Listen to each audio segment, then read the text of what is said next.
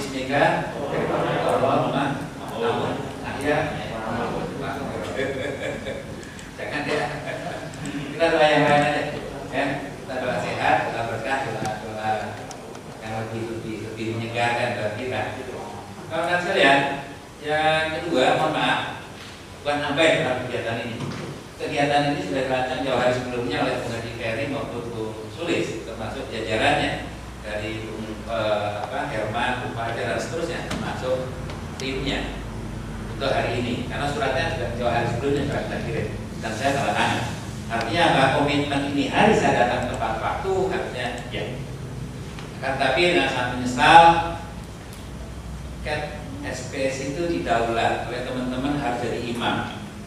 Dari sekarang ini 17 17 federasi. 17 federasi besar tingkat nasional imamnya demikian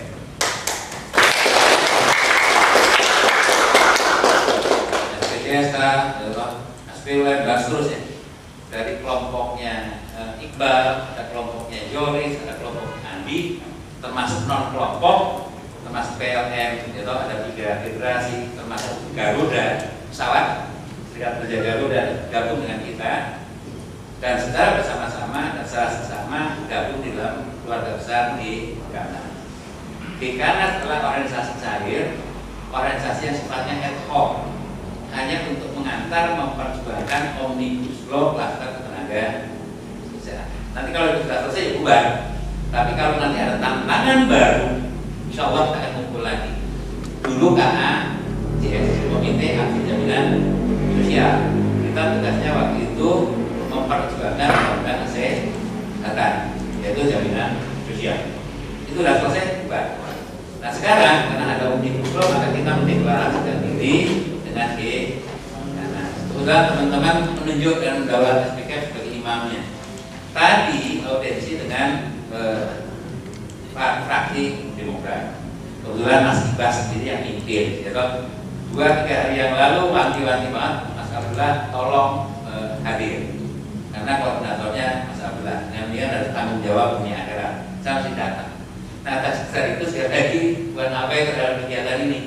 Jadi sekali menolak, maaf, mandi pun belum gitu kan.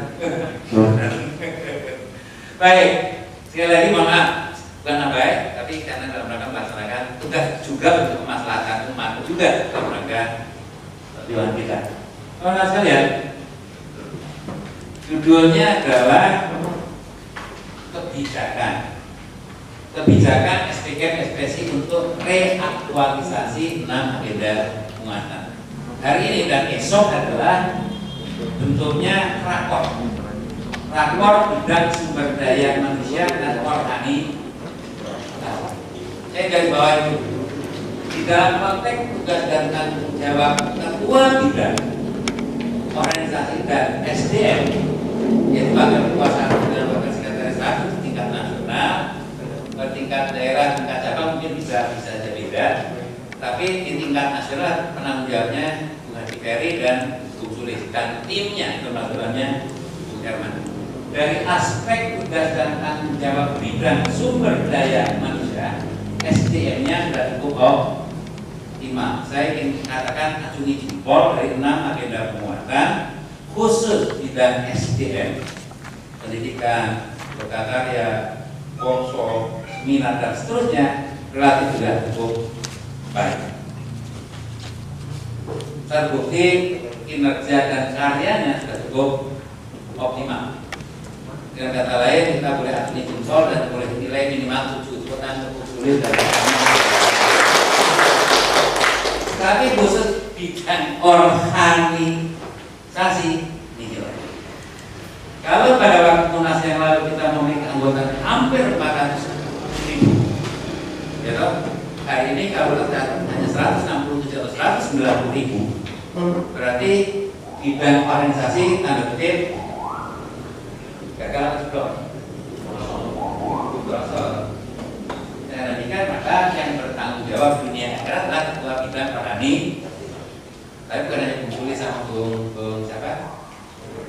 Bung Ferry. Secara struktural dan secara kultural juga tanggung jawab saudara sekalian sebagai ketua dan sekretaris bidang rohani kasih tangan sendiri.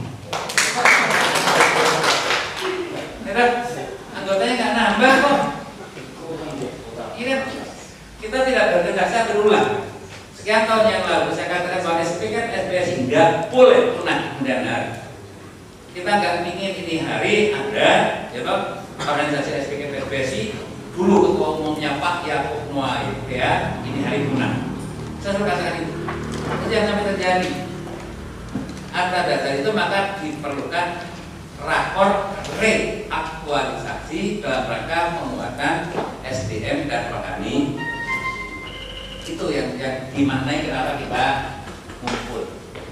Saya ulang lagi, dinosaurus dulu ada katanya, benar kan? Karena terjadi perubahan zaman, terjadi perubahan peradaban, karena terjadi pencairan kutub utara, toh? dan dinosaurus tidak mampu adaptasi dengan keadaan, maka dinosaurus begitu ya terjadi peralihan budaya dengan industrial, terjadi perubahan-perubahan kerja, terjadi perubahan undang-undang akibat COVID besok punah. Mungkin nggak itu? Mungkin. Manakala kita tidak melakukan reaktualisasi enam agenda muatan. Siap berubah? Ya. Siap berubah? Ya. Begini pilihannya. Kalau nggak siap berubah, Monas besok kita mundur lagi. Yo. Ketua umum mundur, PD mundur, PC mundur karena gagal di bidang penguatan rohani. Ayo, pilih mundur, kita mengambil lagi karena gagal, atau yuk kita Bismillah gitu. Siapa yang bertanggung jawab secara struktural dan secara kultural adalah pimpinan pusat, pimpinan daerah, pimpinan cabang sampai pimpinan unit kerja bidang SDM dan rohani saya kira kita tugas kita kita sudah baca list. Ruang lingkup tugas dan tanggung jawab sekalipun kita menganut paham kolektif oleh ya. tapi kan ada tanggung jawabnya yang bertanggung jawab paling gede adalah ketua umum. Kalau dari waktu ke waktu udah ada turun terus anggotanya dan akhirnya punah yang paling berdosa ketua umum gitu. Atas dasar itu lelah sekalipun yuk kita bismillah sama-sama niat kuatkan niat tekad untuk komitmen untuk meningkatkan khusus organik. Saya berubah? Ya. saya berubah? Ya.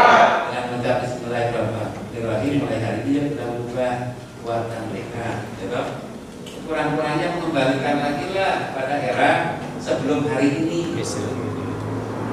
Dari laporannya saya dengar sepintas juga nggak ada yang nambah? Anggotanya? Semuanya berkurang termasuk Tangerang tadi. Berapa? 26 sekarang tinggal berapa? 20 30 ya tahu. Jumlahnya tinggal berapa? Tinggal 11 30 ribu, kan? atau berapa kita termasuk? Ini kan antara jadi sekali lagi. Pertanyaan berikutnya penting nggak kita melakukan reaktualisasi enam kekuatan Assalamualaikum.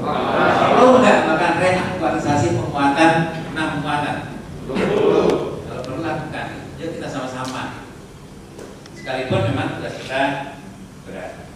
Itu Yang pertama ya, di garis bawah tentang konteks judul hari ini rapor tentang sumber daya manusia dan organisasi SDM SD SDM itu bukannya dua.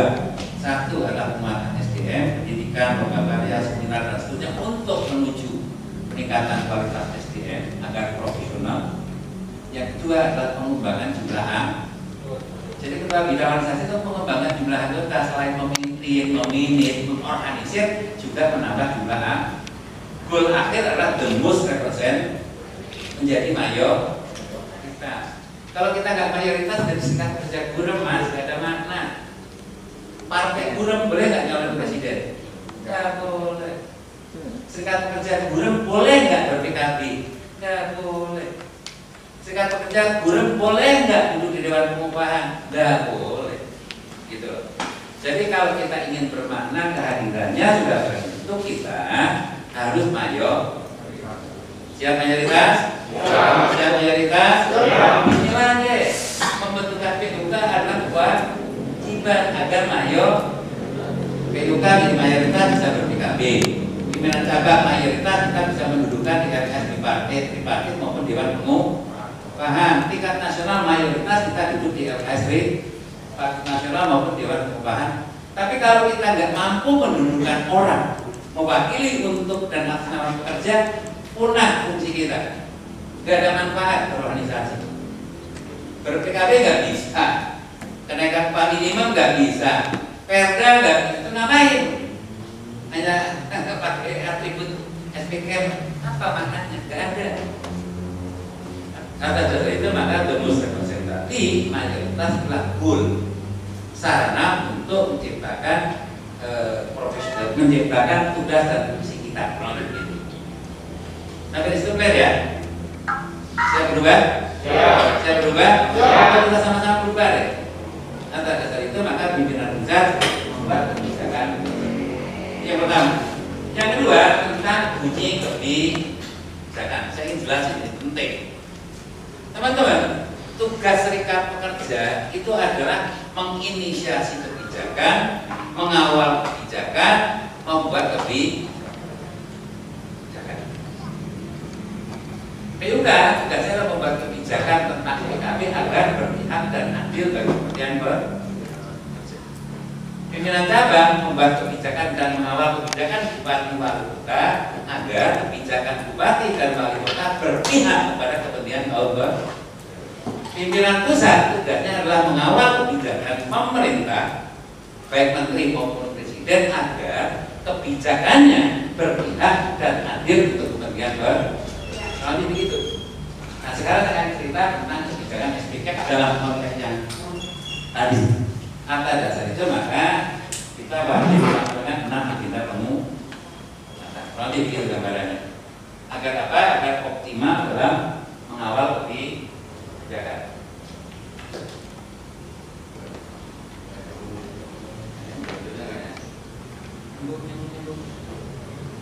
Nah, habis baterai terganti.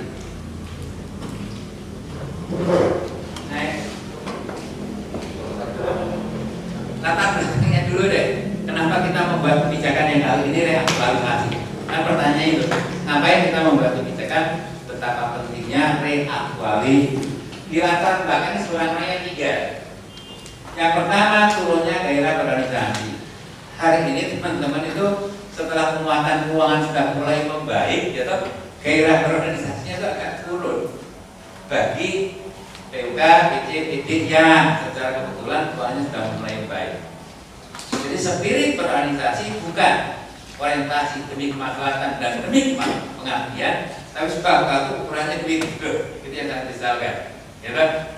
Bisa amati ya secara, secara seksama beda dengan 5-10 tahun yang lalu tanpa uang sekalipun gairah berorganisasinya tinggi orientasinya betul-betul demi perjuangan dan kejuangan. Hari ini agak turun. Ini latar belakang yang pertama. Latar belakang yang kedua adalah turunnya soliditas dan solidaritas. Perpecahan di mana-mana, mas.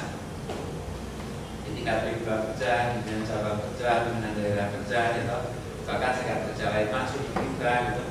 Contoh di Timika yang selama ini kebanggaan sudah 42 tahun bergabung dengan keluarga besar SDM SPK depresi hari ini SBSI masuk gitu perpecahan antara kita atas dasar itu maka nama agenda penguatan salah satu di antara soliditas dan solidaritas harusnya diimplementasikan di lapangan yang ketiga adalah turunnya jumlah anggota kita COVID ternyata COVID juga berdampak gitu.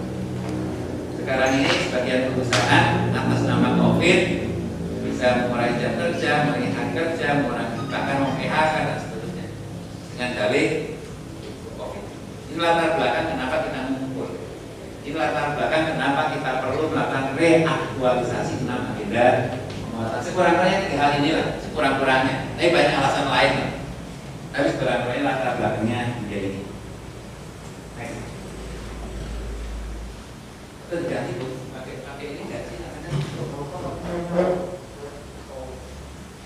Yang slide kedua, slide kedua saya sampaikan kepada teman-teman.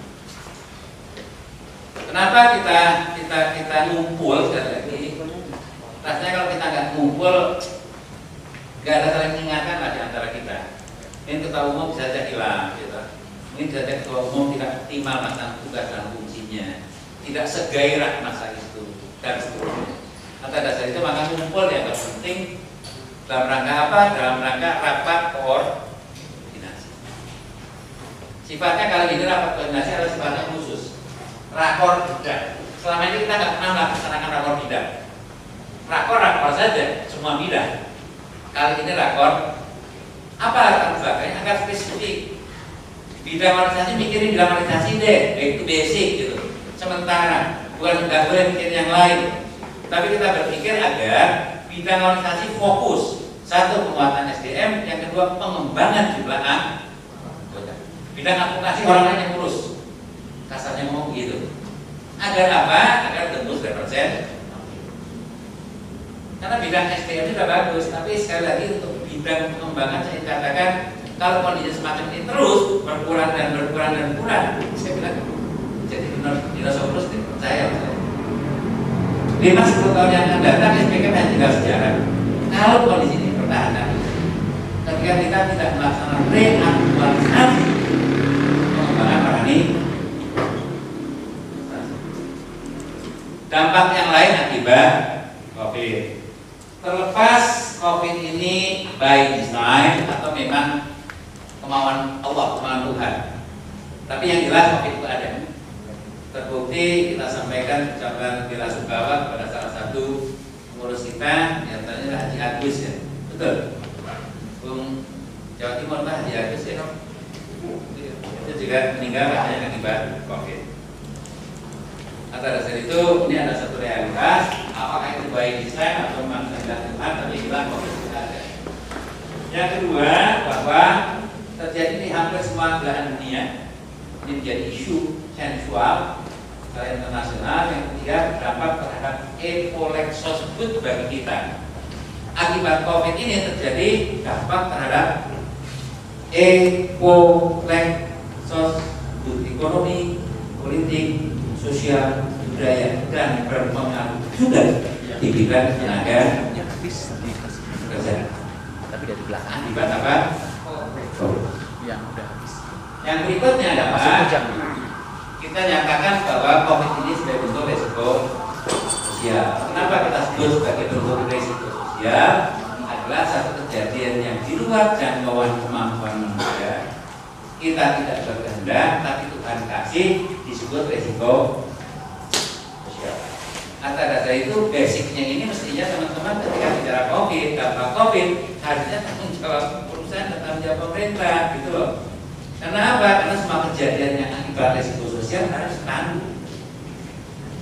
Contoh, head tapi enggak. Contoh sakit tapi enggak. Ketika kita sakit, kita tidak tapi Tuhan kasih. Ketika terjadi tanggung nggak oleh perusahaan? Tanggung, manakala ada surat dokter, ya toh? Nah, dasar itu COVID pun ini masuk bagian daripada risiko oleh sebab itu ketika ada kebijakan perusahaan dengan mengurangi berbagai hal tanpa runding mestinya kita katakan tidak harus ber terakhir di report hari ini terjadi kemalangan akibat apa? Akibat covid juga sudah enam bulan harusnya nggak boleh turun nggak boleh ketemu istri. Padahal menurut teori boleh diskusi beneran enggak? Katanya hubungan suami istri justru menghindari covid. Kenapa enggak diberi kesempatan? Maunya seminggu sekali mereka harus bergaul sama istrinya dengan harapan hidup sehat, gitu. Benar nggak? Nah, ini lima bulan, enam bulan dipisah dari istrinya malah semakin dekat sama covid. Kenapa? Karena kita tidak terjadi senyawa karena suami dengan istri gitu. Benar nggak? Nggak pernah kelonan gitu. Akhirnya terjadi pemalangan. Kali ini masih terjadi pemalangan. Kalau di di di, di itu kalau demo itu masyarakat bisa saja melakukan pemalangan dengan cara apa? Pakai tampang luar, gitu, semua orang boleh lewat. Gitu. Ya akhirnya berhenti terus. Nah, kalau kita lihat ini dampak oke. Slide naik. Coba. Bisa.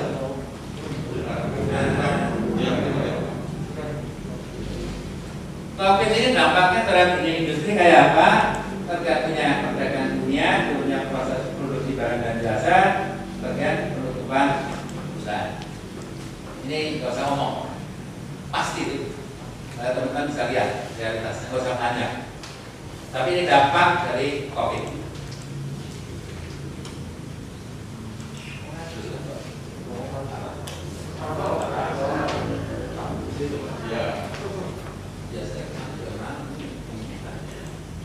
Dampak globalisasi kayak apa? Akibat COVID ini salah satu di antaranya dampaknya adalah yang pertama guncangan terorganisasi. Organisasi hari ini bebannya luar biasa. Harusnya memperjuangkan peningkatan kualitas kesejahteraan sekarang boro-boro meningkatkan kualitas kesejahteraan. Yang kedua menurunnya gairah organisasi. Yang ketiga menurunnya kesediaan pembayaran iuran takaran dibayar dengan permohonan dispensasi dibayar hiburan itu di antaranya dalam begitu benar ya betul. Akibat covid dampaknya menurunnya kesediaan membayar di sisi lain juga saya tahu ya pertama saya mengumumkan melalui isu.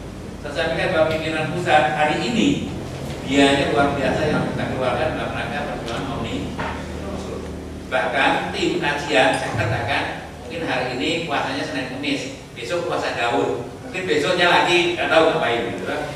Tapi yang jelas yang dimaksud puasa Senin Kamis artinya kerja sampai larut malam, kerja sampai pagi tidak ditinggal di apa pun, bahkan makan pun terbatas. Karena apa? Karena habis-habisan dengan biayanya untuk perjuangan ini. Coba saudara bisa bayangkan, hampir setiap minggu rapat berapa kali melibatkan sikap pejabat buruh yang lain ada di kantor kita dari mendesain strategi sampai menyusun eh, apa rancangan undang-undang pembanding. Melakukan kajian tim daftar inventarisasi masalah. Dan hari ini Pak bersyukur daftar inventarisasi masalah. Hasil kajian kita dipakai oleh DPR RI untuk tanda kutip memperbandingan antara konsep pemerintah dan konsep dengan juga untuk kita dan kita sudah cetak. Punya apa? Nggak bisa gandarin ya sudah bagi pak sudah bagi ya nah ini nih bukan sambil tidur mas bikin. Ini titik koma dipelajari secara seksama benar-benar banget gitu. Kenapa? Karena yang bikin ini bukan buka pula bukan ahli di situ. Kebijakan ya dan sebagai imam. Tapi yang bahkan kajian itu akademisinya ada ya pak. LPHN nya ada kalangan sarjananya banyak banget gitu setiap berdasarkan guru termasuk peneliti. Ya toh, yang mendesain itu. Dan itu semua mohon maaf hampir kita yang maksimal paling besar untuk melakukan pembiayaan pembiayaan. Jadi pimpinan pusat artinya kalau besok saya akhir masa bakti harus mempertanggungjawabkan uang yang mau habis harus mempertanggungjawabkan dunia akhirat di antaranya begitu betul. Sangat lelah. Sisi lain menurunnya kesediaan membayar di atas dasar itu perlu nggak kita raporkan itu pertanyaannya. Atas dasar itu maka diperlukan rapor pada ini. Hari sampai. Rapor itu adalah rapor enam bidang. Dan minta kepada masing-masing ketua bidang untuk melakukan rapor yang sama. Hari ini rapor eh, SDM dan organisasi besok lusa tanggal yang berbeda kita akan melakukan rapor tentang penguatan advokasi yang berikutnya nanti Mbak Mus melakukan rapor tentang penguatan keuangan parani jadi masing-masing bidang harus melaksanakan rakor untuk mereaktualisasi kebijakan enam agenda umum. Karena enam agenda umum kan bukan hasil karya saya pribadi, tapi adalah merupakan blueprint, merupakan GBHO, garis besar haluan organisasi yang wajib dilaksanakan, bukan hanya tulisan enam agenda penguatan itu. Itu adalah peniti, itu adalah rambu, adalah penuntun agar SPK SPSI mampu menggunakan SPK SPSI berkelas dunia dengan catatan enam itu laksanakan gitu loh. Tapi kalau dilaksanakan mimpi kita untuk bisa SPK SPSI berkelas dunia hanya program. Yuk kita pahami dulu betul deh, enam agenda itu wajib. Siapa yang melaksanakan? Pimpinan pusat, pimpinan daerah, pimpinan cabang, sampai pimpinan unit kerja. Kalau teman-teman hari ini menikmati atribut SPK, besok purna bakti, besok SPK bubar, punah, soal lain. Tapi kalau kita ingin muri-muri, ingin mempertahankan agar SPK SPS existing dan menjadi the most representative, laksanakan enam agenda umum. Siap berubah? Siap. Siap berubah? Siap. Bismillah deh. Yang ketiga adalah menurutnya kesediaan membayar iuran. Yang keempat adalah yang hak, hak dan kewajiban organisasi dan yang terakhir adalah berkurangnya jumlah anggota SPK PSD. Jadi dari enam enam agenda yang sangat sangat sangat sangat berat bebannya kali ini adalah bidang penguatan keuangan. Yang pertama yang kedua bidang rohani. Yang lain apakah sudah optimal? Belum tapi relatif angkanya mungkin 6 ada yang 7 gitu loh. Tapi bidang dua ini perlu kita genjot lagi perlu kita motivasi.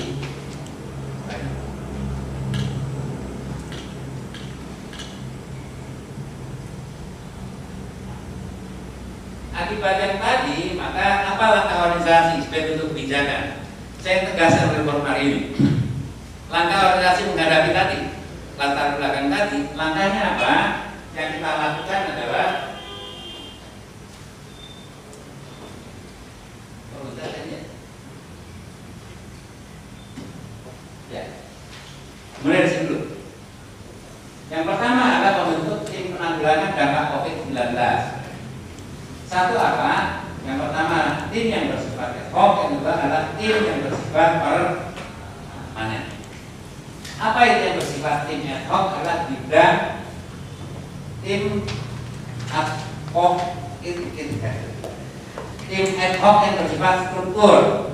Tanggung jawabnya adalah bidang organisasi dan bidang advokasi. Tugasnya ngapain? Tugasnya satu memberi informasi memberikan supervisi dan bahkan advokasi. Jadi bagi teman-teman yang mulai jam kerja mengenai hari kerja di PHK dan seterusnya kita sudah keluarkan instruksi. Dari pimpinan pusat pada pimpinan daerah, pimpinan cabang sampai pimpinan kerja agar membentuk tim advokasi penanggulangan dampak COVID-19 dengan berbagai kekurangannya yang sudah dilakukan oleh teman-teman. Contoh Bekasi hari ini kurang lebih 27 perusahaan ya, yang mengalami problem.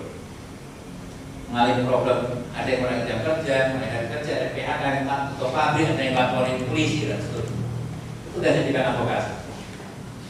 Maka dasar itu maka kebijakan kita pimpinan pusat melakukan diskresi maksudnya kebijakan tanpa PO tanpa macam-macam membentuk dua bidang. Yang pertama adalah bidang yang bersifat ad hoc secara struktural.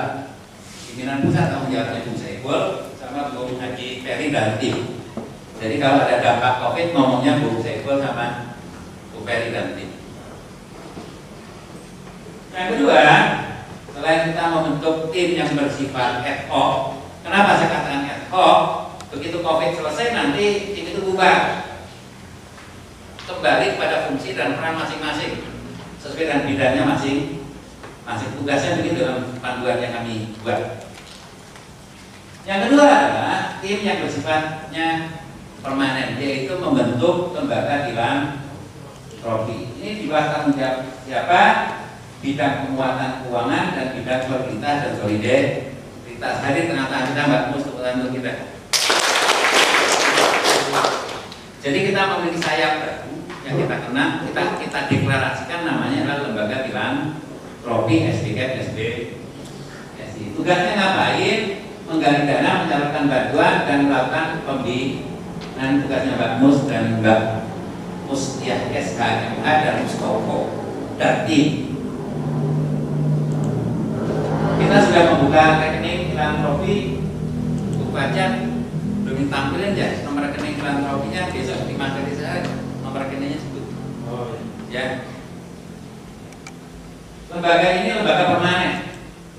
Sampai saya pernah bakti atau teman-teman pernah bakti sekalipun harapannya lembaga filantropi tetap existing kalau tidak semakin besar.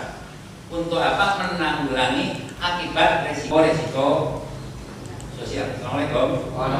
Ketika keluarga besar SPK PSPSI terjadi resiko sosial, kejadian sesuatu yang kita tidak kehendaki tapi Tuhan kasih, maka lembaga filantropi harusnya take over. Salah satu di antaranya adalah kasusnya sahabat kita dari BUKS PSPSI Rucika.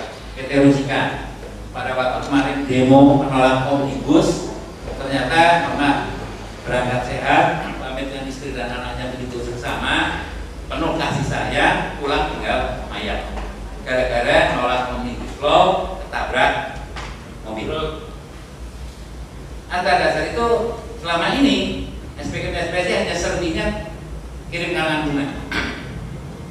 Terus ucapan duka kita. Paling itu yang kita lakukan. Dari pengalaman ini maka kita perlu membentuk lembaga bilang atas dasar itu sekarang dengan kejadian itu mau tidak mau anaknya kita angkat menjadi anak pejuang SPK SPSI dan kita sekolahkan sampai saat kan untuk kita bersyukur kan mungkin banyak ada sekitar 40 juta anak kali gitu. Tapi setiap bulan anaknya yang yang meninggal itu yang kecelakaan itu kita sudah buatkan rekening masing-masing dua anak. Setiap bulan kita transfer untuk biasa.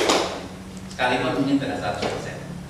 Tapi sangat tidak bijaksana ketika seseorang meninggal dalam proses perjuangan satu saat anaknya tidak sekolah dia pasti akan kencang kita suami banyak yang nyuruh si anu. Enggak ketua umumnya pengabdian yang memerintahkan demo bapakku mati aku nggak sekolah. Aku jadi anak miskin. Dia pasti akan berbeda baik dunia maupun akhirat. Di latar belakang pemikiran itu maka perlunya membentuk lembaga tiba terus baru saya nah pada kalian bukan sebab itu saya minta kau punya uang berapapun nilainya boleh transfer ke rekening lembaga filantropi punya rezeki sedikit gitu. Kan sekarang bisa transfer pakai handphone kan punya seribu, dua ribu, sepuluh ribu kok boleh kirim? Dan insya Allah yang jawabkan bagus ya kan yang kita bertanggung jawabkan di akhirat gak akan kita pergunakan macam-macam. Minum, mabuk, gak ada itu. Ini betul-betul kepentingan anggota kita yang mengalami resiko sosial saya minum dulu ya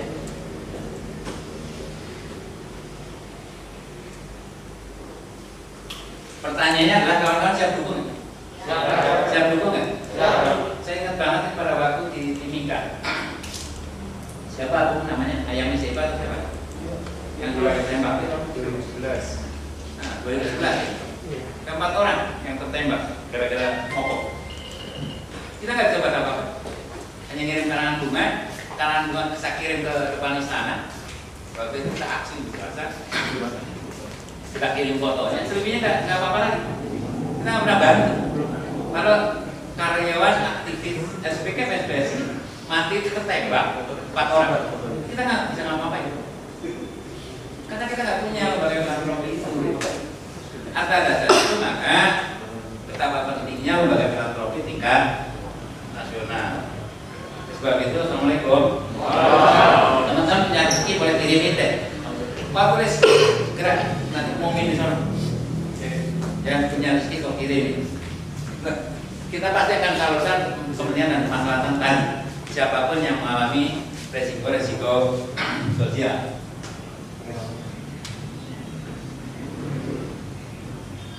Ini kebijakan yang kita buat. Teman, Di tengah-tengah problematik yang keempat, dua hal yang sangat mendadak. Satu, kesadaran membayar iuran yang begitu rendah. Yang kedua, jumlah anggota yang dari waktu ke waktu menurun. Maka putuskan solusinya adalah perlu segera melakukan reaktualisasi enam agenda pemuatan dengan cara apa? Rakersus mengurus kita sudah lakukan, rakor bidang mulai ini hari kita lakukan. Nah saya pengen begitu pulang dari rakor ini teman-teman mulai yuk kerja, yuk semangat untuk apa membentuk BUK.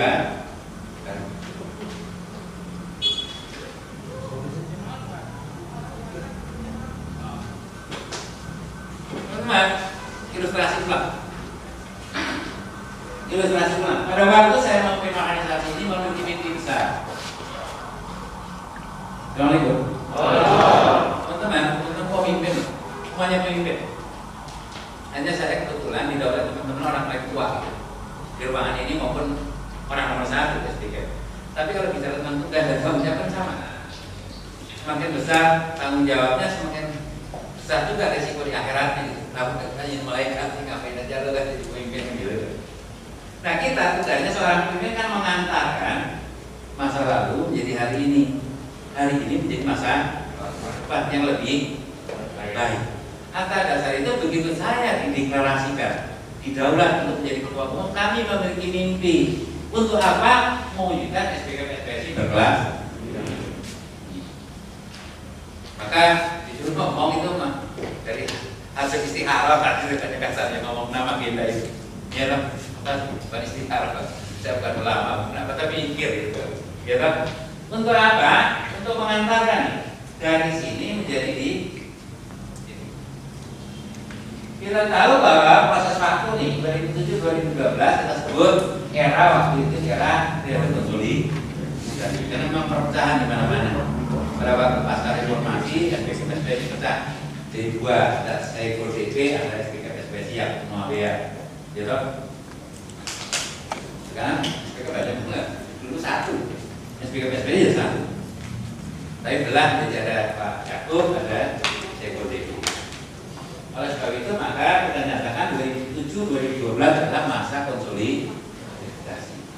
2012-2017 kita nyatakan sebagai masa reformasi organisasi dengan empat agenda penguatan terus dulu. 2017 sampai 2022 hari ini hari ini bagian daripada 2017 ke 2022 kita nyatakan sebagai masa kesetaraan dalam rangka membangun pelabuhan industri kita ingin mengangkat derajat kita, memantaskan diri. BUK pantas setara dengan manajemen, pimpinan cabang pantas setara dengan bupati wali kota maupun kepala dinas maupun akilo, pengetahuan dan wawasannya di tingkat provinsi setara pengetahuannya dengan kepala dinas provinsi maupun gubernur dan di tingkat nasional harus setara pengetahuannya dengan menteri tenaga kerja. Ini yang kita maksud taruh aku 2017 2022. Adapun 2022 sampai 2027 adalah membangun SPSI berkelas. Ya, kita sedang kritis sekarang bangun kooperasi. Kemarin kooperasi kita menandatangani kerjasama yang mewujud dengan Podomoro ya, dengan Podomoro. Kemarin kita sudah launching di beberapa media. Untuk apa? Untuk memfasilitasi kemudahan para pekerja di wilayah Tangerang khususnya untuk memiliki rumah. Oh itu kan? Kira-kira. Dan sampai ke Tangerang, kita sudah kemarin tanda tangani MOU dengan Podomoro untuk membangun perumahan insya Allah bisa 15 ribu. Mudah-mudahan harganya terjangkau di Tenju. Tenju. Tenju. Penanggung jawabnya siapa? Tuh, belakang. Oh, ada. Semakin bulat badannya. Kan perjuangan SPK, SPC adalah cukup sandang, cukup pangan, cukup papan. Sandang, pangan, papan, kesehatan, pendidikan. Gitu. Sandang pangan oke lah kita dapat perjuangan melalui upah minimum, melalui PKB, macam-macam. Tapi papan kayak apa? Atas dasar itu kita melalui kooperasi kemarin bekerja sama dengan Podomoro. Targetnya adalah membangun kota baru, tapi di situ ada kotanya pekerja gitu, kotanya SPK SPSI. Situ akan dibangun stasiun kereta api kayak di Manggarai katanya untuk beberapa sebesar 80 Siapa yang masarin? Nanti pimpinan cabang ambil Pimpinan pusat hanya menandatangani M. Oh iya, kita kita. Untuk apa menuju? Saya katakan tadi mau diobsesi hari kemarin hari ini lebih baik dari hari kemarin dan hari esok lebih baik dari hari itu mimpi-mimpi kita apa hubungannya dengan kemarin kita nggak punya duit tapi kemarin punya duit kenapa kalau kemarin Kodok-kodok penyakit, kodok-kodok fasilitasi. Nah besok kita akan menandatangani MOU dengan BPJS Kesehatan Tenaga Kerjaan untuk mendapatkan pinjaman uang muka perumahan. Jadi bagi teman-teman belum punya uang muka bisa boleh pinjam dari BPJS Tenaga Kerjaan. Kapan itu launching? Insya Allah dalam waktu yang tidak terlalu lama. Tapi ini banyak banget gak lihat ngurusin omnibus law ngurus so kayak gak ada ya kan orang duitnya orang-orang nggak ada nggak modal ada ya uang dari kantong lah tapi nanti ada duitnya kalau, kalau sudah kan ada ada fee, marketing lah gitu. untuk siapa untuk desa untuk cabang dan kemudian mendapatkan saya tugas kita bersama kita semua yang ada ini adalah mengantarkan hari ini lebih baik dari hari kemarin dan mengantarkan hari esok lebih baik dari hari ini. Siap berubah? Ya. Siap berubah? Ya. Bismillah deh. Nama agenda penguatan. Nama agenda penguatan apa kan? Atam lah. Atam apa? Penguatan SDM, dan Enam.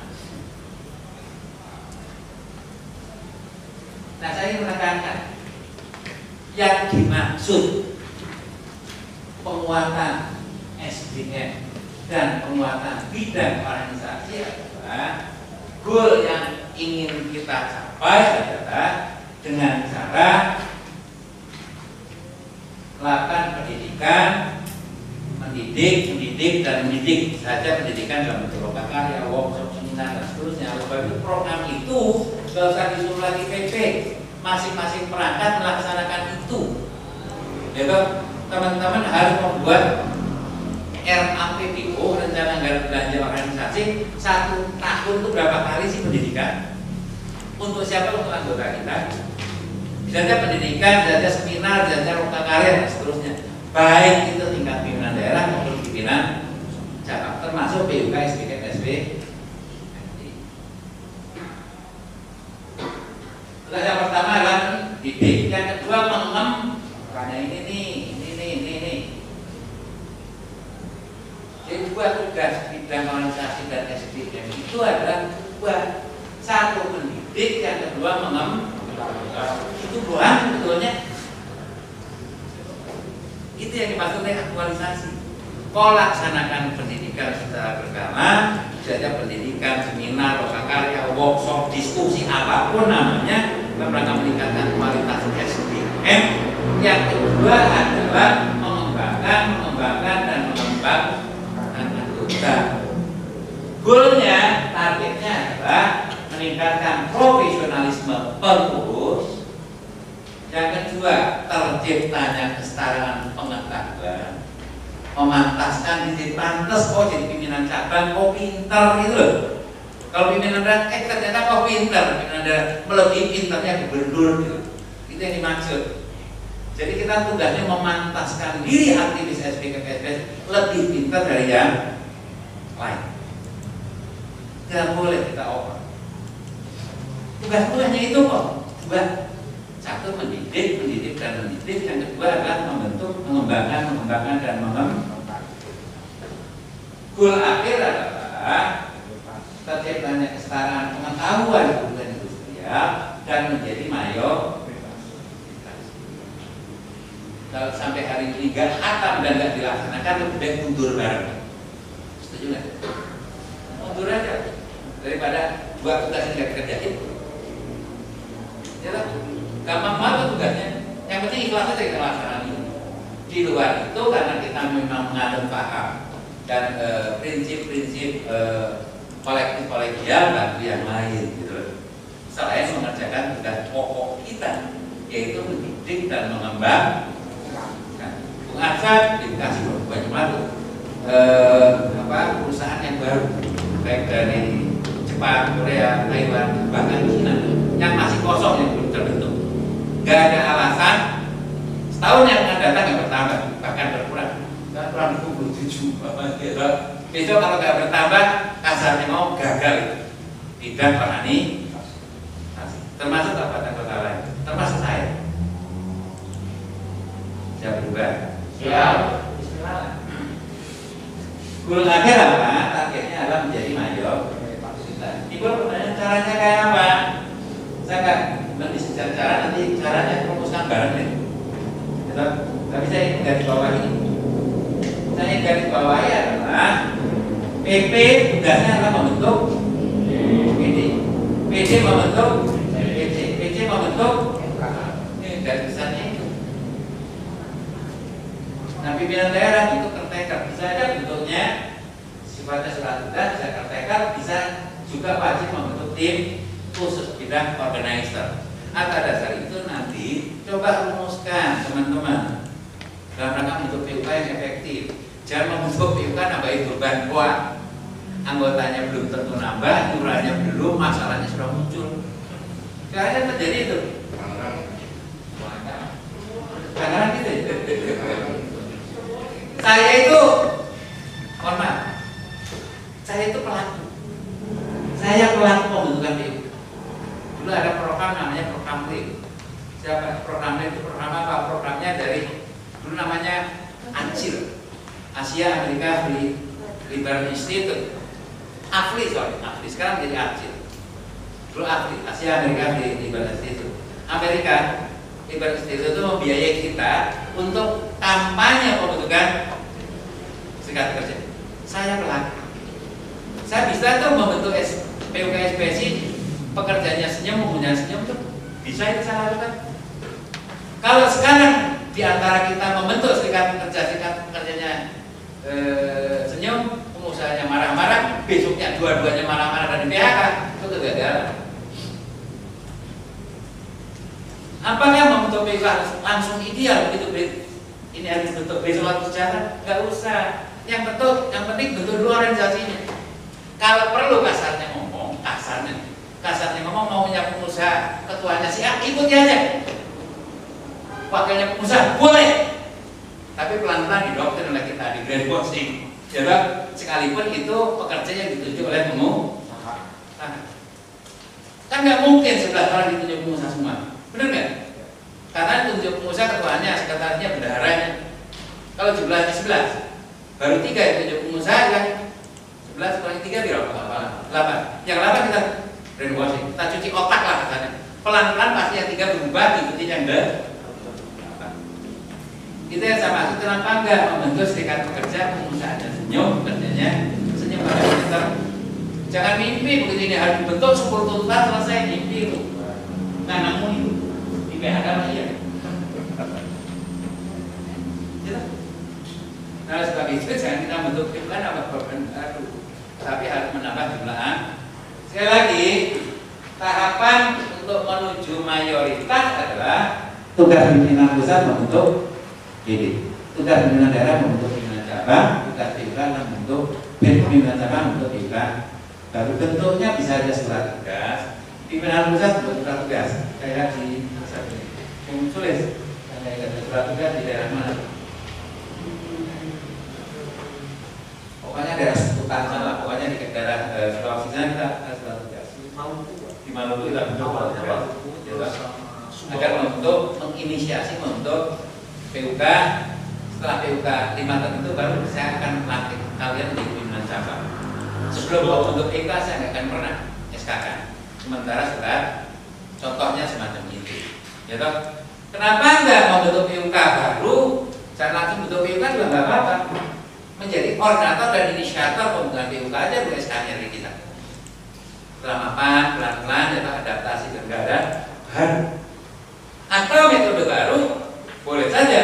Menurut tanggal dasar rumah tangga mereka anggota perseorangan daftarnya PJ semua dulu ya toh setelah itu relatif kegemapan perusahaannya kita bisa ajak ngomong baru bentuk PUK jadi bentuk anggotanya PUK nya belah kita berikan doktrin terakhir kunci sukses. Nanti boleh diskusi. Jangan sekali-sekali, coba sekali. Jangan sekali-sekali menangkap dua ekor kelinci pada waktu yang bersamaan. Nah, pasti gagal. Kalau udah teori, saya pelaku bukan teori. Tahu? Saya pernah bentuk PUK ratusan. Gitu. Dan hampir tidak gagal. Itu dengan cara jangan sekali-sekali menangkap dua ekor kelinci pada waktu yang besar. Pasti kalau waktu kita bentuk PUK pasti sebagian besar rumah, waduh perusahaan parah pak, perusahaan culas pak, perusahaan dolim pak, upah minimum nggak dibayar, cuti haid nggak dibayar, ya pasti ngomongnya gitu betul nggak? Lemburnya nggak beres, kami dieksploitasi, pasti gitu. Yang dia ngomong, pasti. Contohnya berapa? 15 15 pelanggaran BPJS bagi bayar, oh macam-macam. Nggak apa-apa, kok catat aja itu. Satu mencatat problematik dan e, pelanggaran dilakukan oleh perlu. Nah, yang kedua adalah problem belum terbentuk serikat pekerja. Yang saya maksud, jangan menangkap dua ekor tinggi waktu yang bersamaan, jangan bersamaan untuk PUK, bersamaan juga nuntut yang sebelah tuntutan itu. Paham nggak? Akan selesai barang. Yang penting kau bentuk PUK dulu. Setelah terbentuk PUK, jangan sebelas tuntutan maju bareng. Bunuh diri. Bunuh diri apa? Ini jadi korban sama organisasi. Di mata pengusaha hancur, di mata kerja di PHK akibat SBSI juga hancur. Ya, kalau kita melakukan pembiayaan,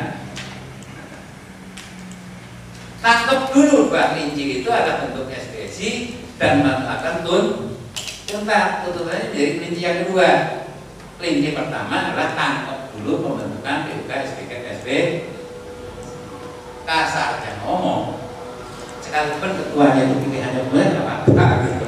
Tahap pertama. Pelan-pelan kita yang sebelah tuntas satu persatu yang normatif pak kalau melaksanakan pak malu. Daripada nanti nakal marah-marah keputusan berapa kami terus lama-lama selesai. Ini tip ya, tip-tip kecil saja nanti diskusi lagi. Dalam. Tapi nggak ada alasan membentuk PPSPS ini yang dibentuk bisa di PHK. Lebih baik kalau salah lakukan itu.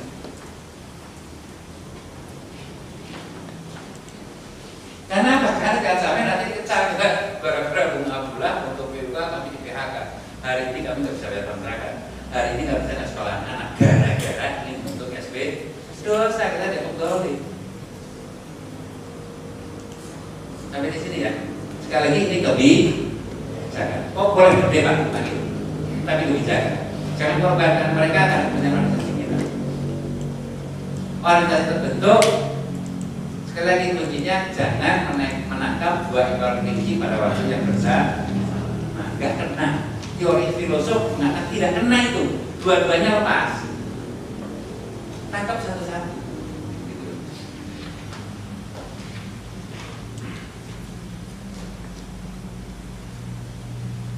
Dari situ ya? Nggak usah ada cerita pelan lelah yang berikutnya juga bidang mana atau kasih dua akhirnya apa tugasnya juga satu mengkaji dua mendidik tiga mensupervisi yang keempat mengabok di bidang advokasi. Yakinkan kepada anggota kita bidang advokasi tugasnya ada. Satu dua tiga empat. Mengkaji mendidik mensupervisi dan mengabok kasih. Ini yang gagal di pimpinan pusat sekarang ini adalah lebih banyak ini nih. Ini nih advokasi. Sama mensupervisi, mendidik dan mengkajinya agak kurang. Saya bertanggung jawab tadi sebenarnya pada waktu munas yang datang. Saya bilang bidang advokasi setengah gagal. Apa yang gagal? Satu di antaranya makan kajian tidak dilakukan secara bersama, yang kedua makan pendidikan tidak dilaksanakan secara sah tapi nangani kasus dari hari ke hari. Tiap hari. Ini tempatnya tempatnya Risuna, tempatnya Kristuna, tempatnya siapa? Pimpinan pusat coba nangani kasus PHK itu dari PHK, PHK dibahas media sampai ke Mahkamah Agung. Bukan nggak boleh, boleh. Tapi tugas empat dan dikerjakan yang satu ini doang itulah yang diperlukan reaktuali boleh nggak mengatakan boleh Tapi yang namanya mengadvokasi bipartit, mediasi kan tugasnya PUK, bukan tugasnya pimpinan pusat. Masa pimpinan pusat nangani kasus PHK? Gak benar dong, logikanya gitu.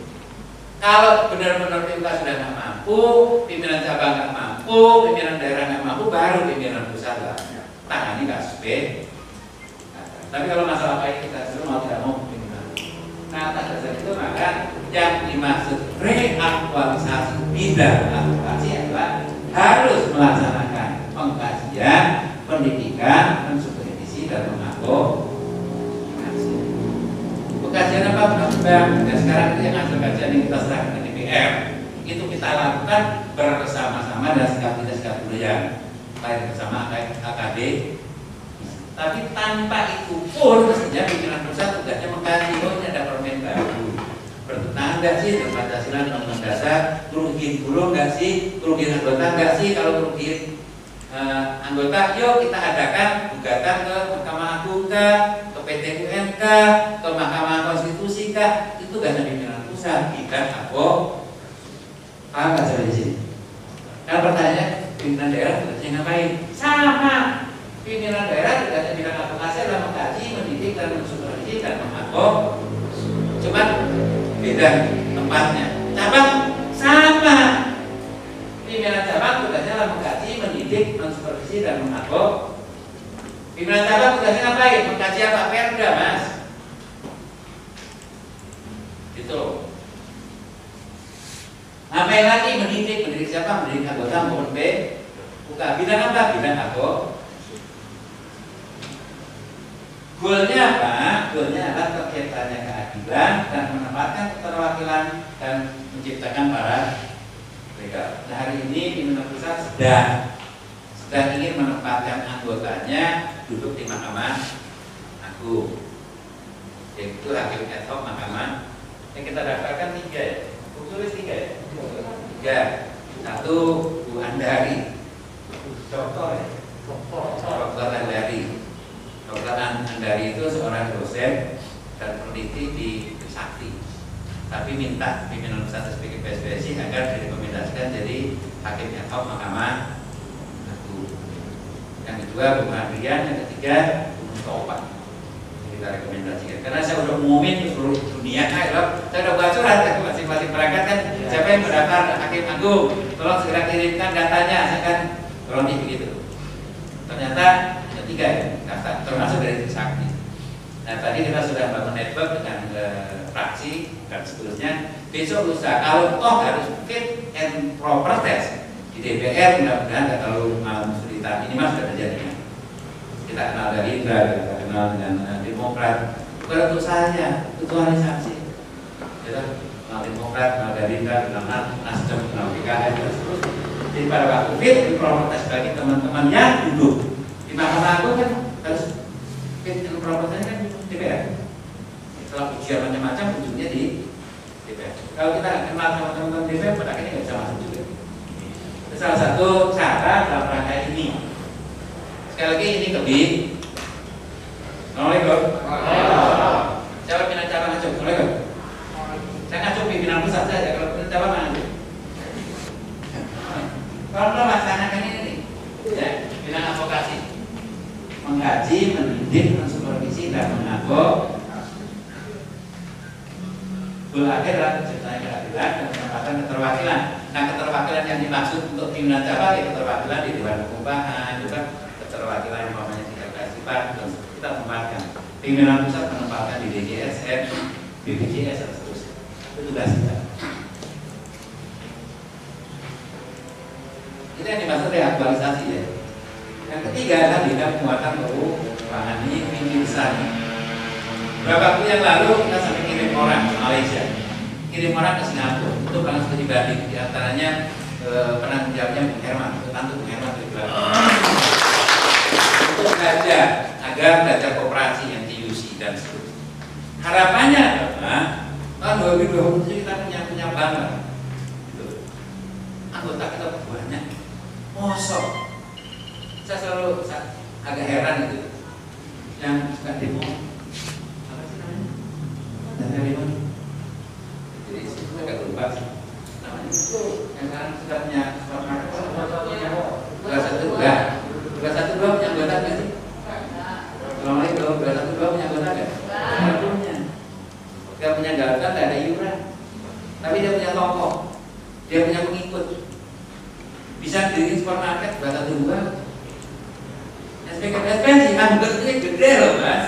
Tersebar dari Sabang sampai Merauke masa kita nggak punya supermarket? SPK sih kan bodoh banget gitu. Iya kan?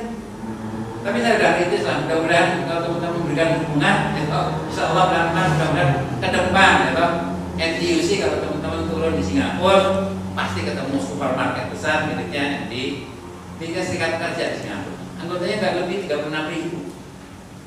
Kita lebih 10 kali lipat anggotanya. Masa kita nggak bisa? Taksi di Singapura di bandara mayoritas miliknya serikat ini real gitu so kita anggota yang begitu gede kantornya kayak burung tidak mana-mana parah. Gitu kenapa? Karena nggak punya inisiatif.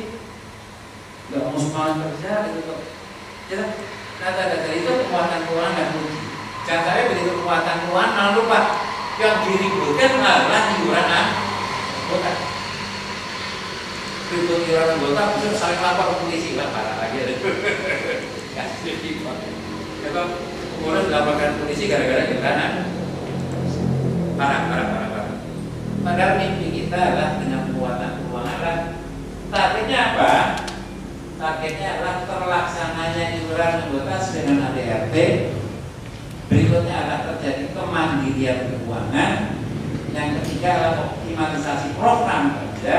Dan yang terakhir adalah kesejahteraan anggota dan pengurus serikat kalau uangnya bagus ibu bertanya dari mana sumber uangnya ada dua. Satu sumber uang dari sumber keuangan dari oleh dan untuk anggota. Yang kedua adalah sumber lain yang dianggap sah iuran anggota untuk apa untuk ini? Terlaksananya optimalisasi program kerja. Ulang sekali lagi iuran anggota untuk apa? Gunanya dalam rangka kemandirian dan optimalisasi program dan kegiatan serikat bukan disimpan tapi buatkan RAPDO yang bagus. Bangun prinsip-prinsip keuangan yang seimbang antara budget untuk biaya operasional dan biaya program. Jangan biaya honor lebih gede daripada biaya program ya contoh macam itu. Ya? Targetnya apa? Adalah optimalnya program kerja organik dengan iuran itu. Nah yang kedua adalah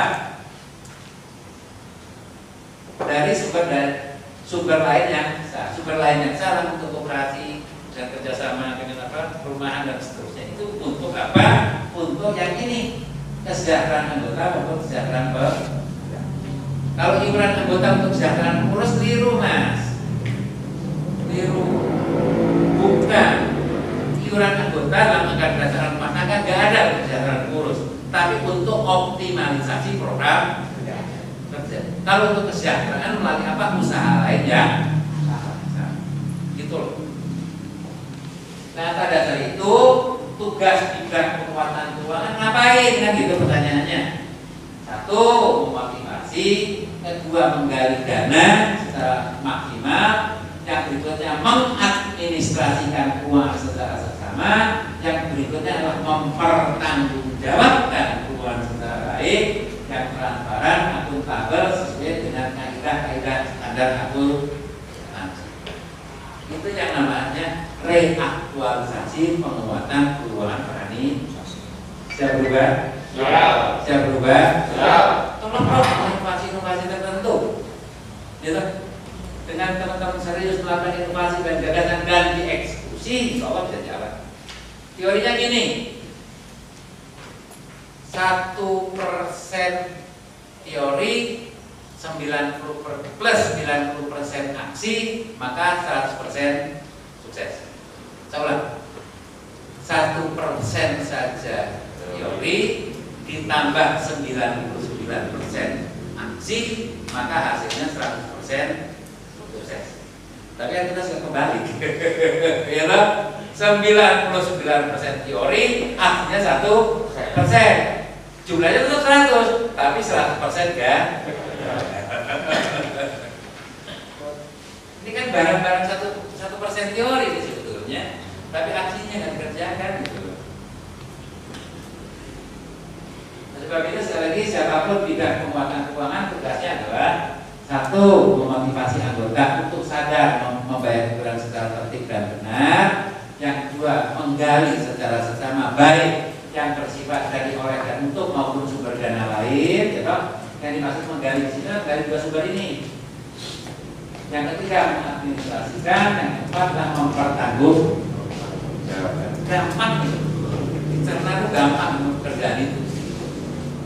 Job listnya juga jelas gitu. Siapa mereka? Tingkat pusat, tingkat daerah, tingkat cabang sampai tingkat unit. Jadi itu yang dikerjakan.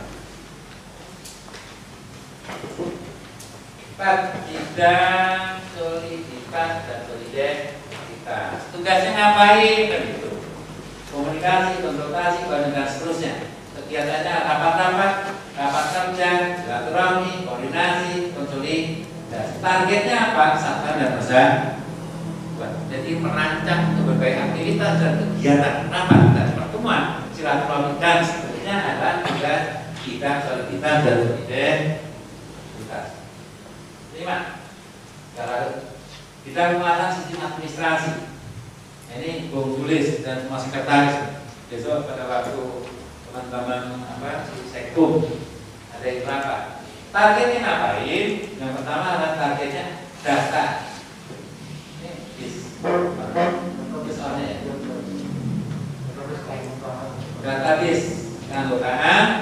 Mudahan dalam mengelola sistem administrasi. Disornya yang tadi mau tulis rancang, kelihatannya adalah database keanggotaan. Database organisasi mungkin yang dimaksud adalah mungkin kerangka pikir saya bukan hanya anggota, tapi database organisasi bisa aja data keuangan, bisa data orang anggota, bisa data-data yang lain, data-data macam-macam. Karena apa? Karena goal akhir adalah eh, kemudahan dalam mengelola sistem administrasi, termasuk standarisasi, standarisasi surat menyurat, standarisasi kop surat, standarisasi macam-macam. Ini akan tugasnya Sekum. Yang keenam, bidang propaganda positif ini sudah deklarasi 2019 sampai hari ini belum optimal. Yang sudah jalan baru ini ya, ini jabat dan penguatan propaganda positif sudah mulai melakukan ada pimpinan besar di bawah tanggung jawabnya Fajar dan kawan-kawan. Insya Allah enggak. Katanya tadi ngomong waktu di mobil, saya nyetir sama lu katanya Pak Kosok Pak Ketut yang nyetir saya Bukan nyetir ya Itu tanah bu, bu, bu, Padahal itu. Nggak punya. Tapi nyobanya pakai gerobak, robika Balik gak ada bisa nyetir, tapi tapi sekarang sudah hampir mencapai target tinggal berapa ribu lagi bu? gratis jam lagi lah Nanti nanti saya kasih pak 5 menit untuk memberikan penjelasan tentang ada nggak itunya? Alamatnya? Ada sih? Bukan nggak apa-apa. Pokoknya sebelum pulang nih orang semua buka handphone semua. Ya, kayak TV aja pokoknya upgrade sekarang gitu. Itu loh. itu ada tuh ad- admin Mana? tuh Ntar. Propaganda positif adalah gini loh. Saya bayangkan dulu nggak kepikiran yang namanya propaganda positif dianggap nggak penting, tapi hari ini sangat sangat. Orang di pelosok kampung ada satu restoran yang tidak pernah dikenal, tapi pengunjungnya luar biasa. Berkata apa? Propaganda. Orang kampung hari ini yang selama ini tidak pernah punya penghasilan, dia punya penghasilan hanya sekedar foto sana foto sini diupload. Nah sekarang SKK PSBS tidak melakukan itu, jadi ketinggalan kereta. Atas itu maka kegiatan propaganda merupakan keharusan dari tingkat nasional, tingkat daerah, tingkat cabang sampai tingkat ini. Jadi untuk kegiatannya apa? Tingkat nasional bangun lembaga propaganda, mendidik bidang propaganda. Yang ketiga adalah melaksanakan propaganda. Targetnya apa? Targetnya adalah membangun simpati bagi pekerja, pengusaha, pemerintah dan masyarakat. Simpati pada siapa? Pada SPK SB dengan harapan terbentuknya PUK dan anggota baru. Target akhir apa? Tembus representasi. Jadi kerjasama bidang organisasi dan propaganda harapannya kita membentuk PUK akan semakin mudah. Betul nih. Tapi pertanyaan kan saya kan kalau tahu umum mimpinya sudah lama dan belum sejarah model hari ini TV gitu ya radio udah dibuat edukasi tapi ternyata optimalisasi juga belum kita belum nyambung gitu antara mimpi besarnya dua umum dengan implementasi di lapangan lebih banyak 99% teori, 1% aksi jumlah 100% gagal. ya Pak, ya dibalik sekarang gitu loh. Satu persen saja teorinya, 99% aksinya. Ini harapannya dengan enam agenda ini, yuk kita sama-sama reaktualisasi dengan adanya indikator anggota kita semakin turun dari waktu ke waktu dan juga kesadaran organisasi dari waktu ke waktu semakin rendah. Kalau kita masih ingin mengabdi untuk kemaslahatan umat dan dicatat oleh malaikat dan dicatat oleh anak dan cucu kita aja kita berbuat sesuatu. Gitu. Kita nggak boleh lagi hanya menggunakan atribut organisasi SPKM SPC hanya sekedar atribut yang kita kenal dengan istilah zero union. Kita ingin bagian daripada real union. Siap berubah? Ya. Mampu siap untuk jadi real union? Real union apa real union? Real union lah. Target sederhana untuk ingat enam agenda pengumatan. Hafal khatam adalah 5K 1M. Istilahnya bagus apa 5K 1M? Lima kali satu malam katanya. Enam agenda penguatan kalau kita singkat goalnya, targetnya adalah 5K 1M. Bukan lima kali satu malam, ini itu. Kalau bagus saja ngomong lima kali satu malam, baru pergi tinggal di istri sehari aja kacau. Lima kali satu malam. Apa lima kali satu malam? Satu, target pertama membangun penguatan SDM adalah membangun kesetaraan, goalnya kesetaraan. Yang kedua, penguatan advokasi terciptanya keadilan. Yang ketiga, eh, penguatan apa? Penguatan keuangan. Keuangan organisasi terjadinya kemandirian dan kesejahteraan. Adapun penguatan soliditas dan solidaritas terjadinya kesatuan dan persatuan.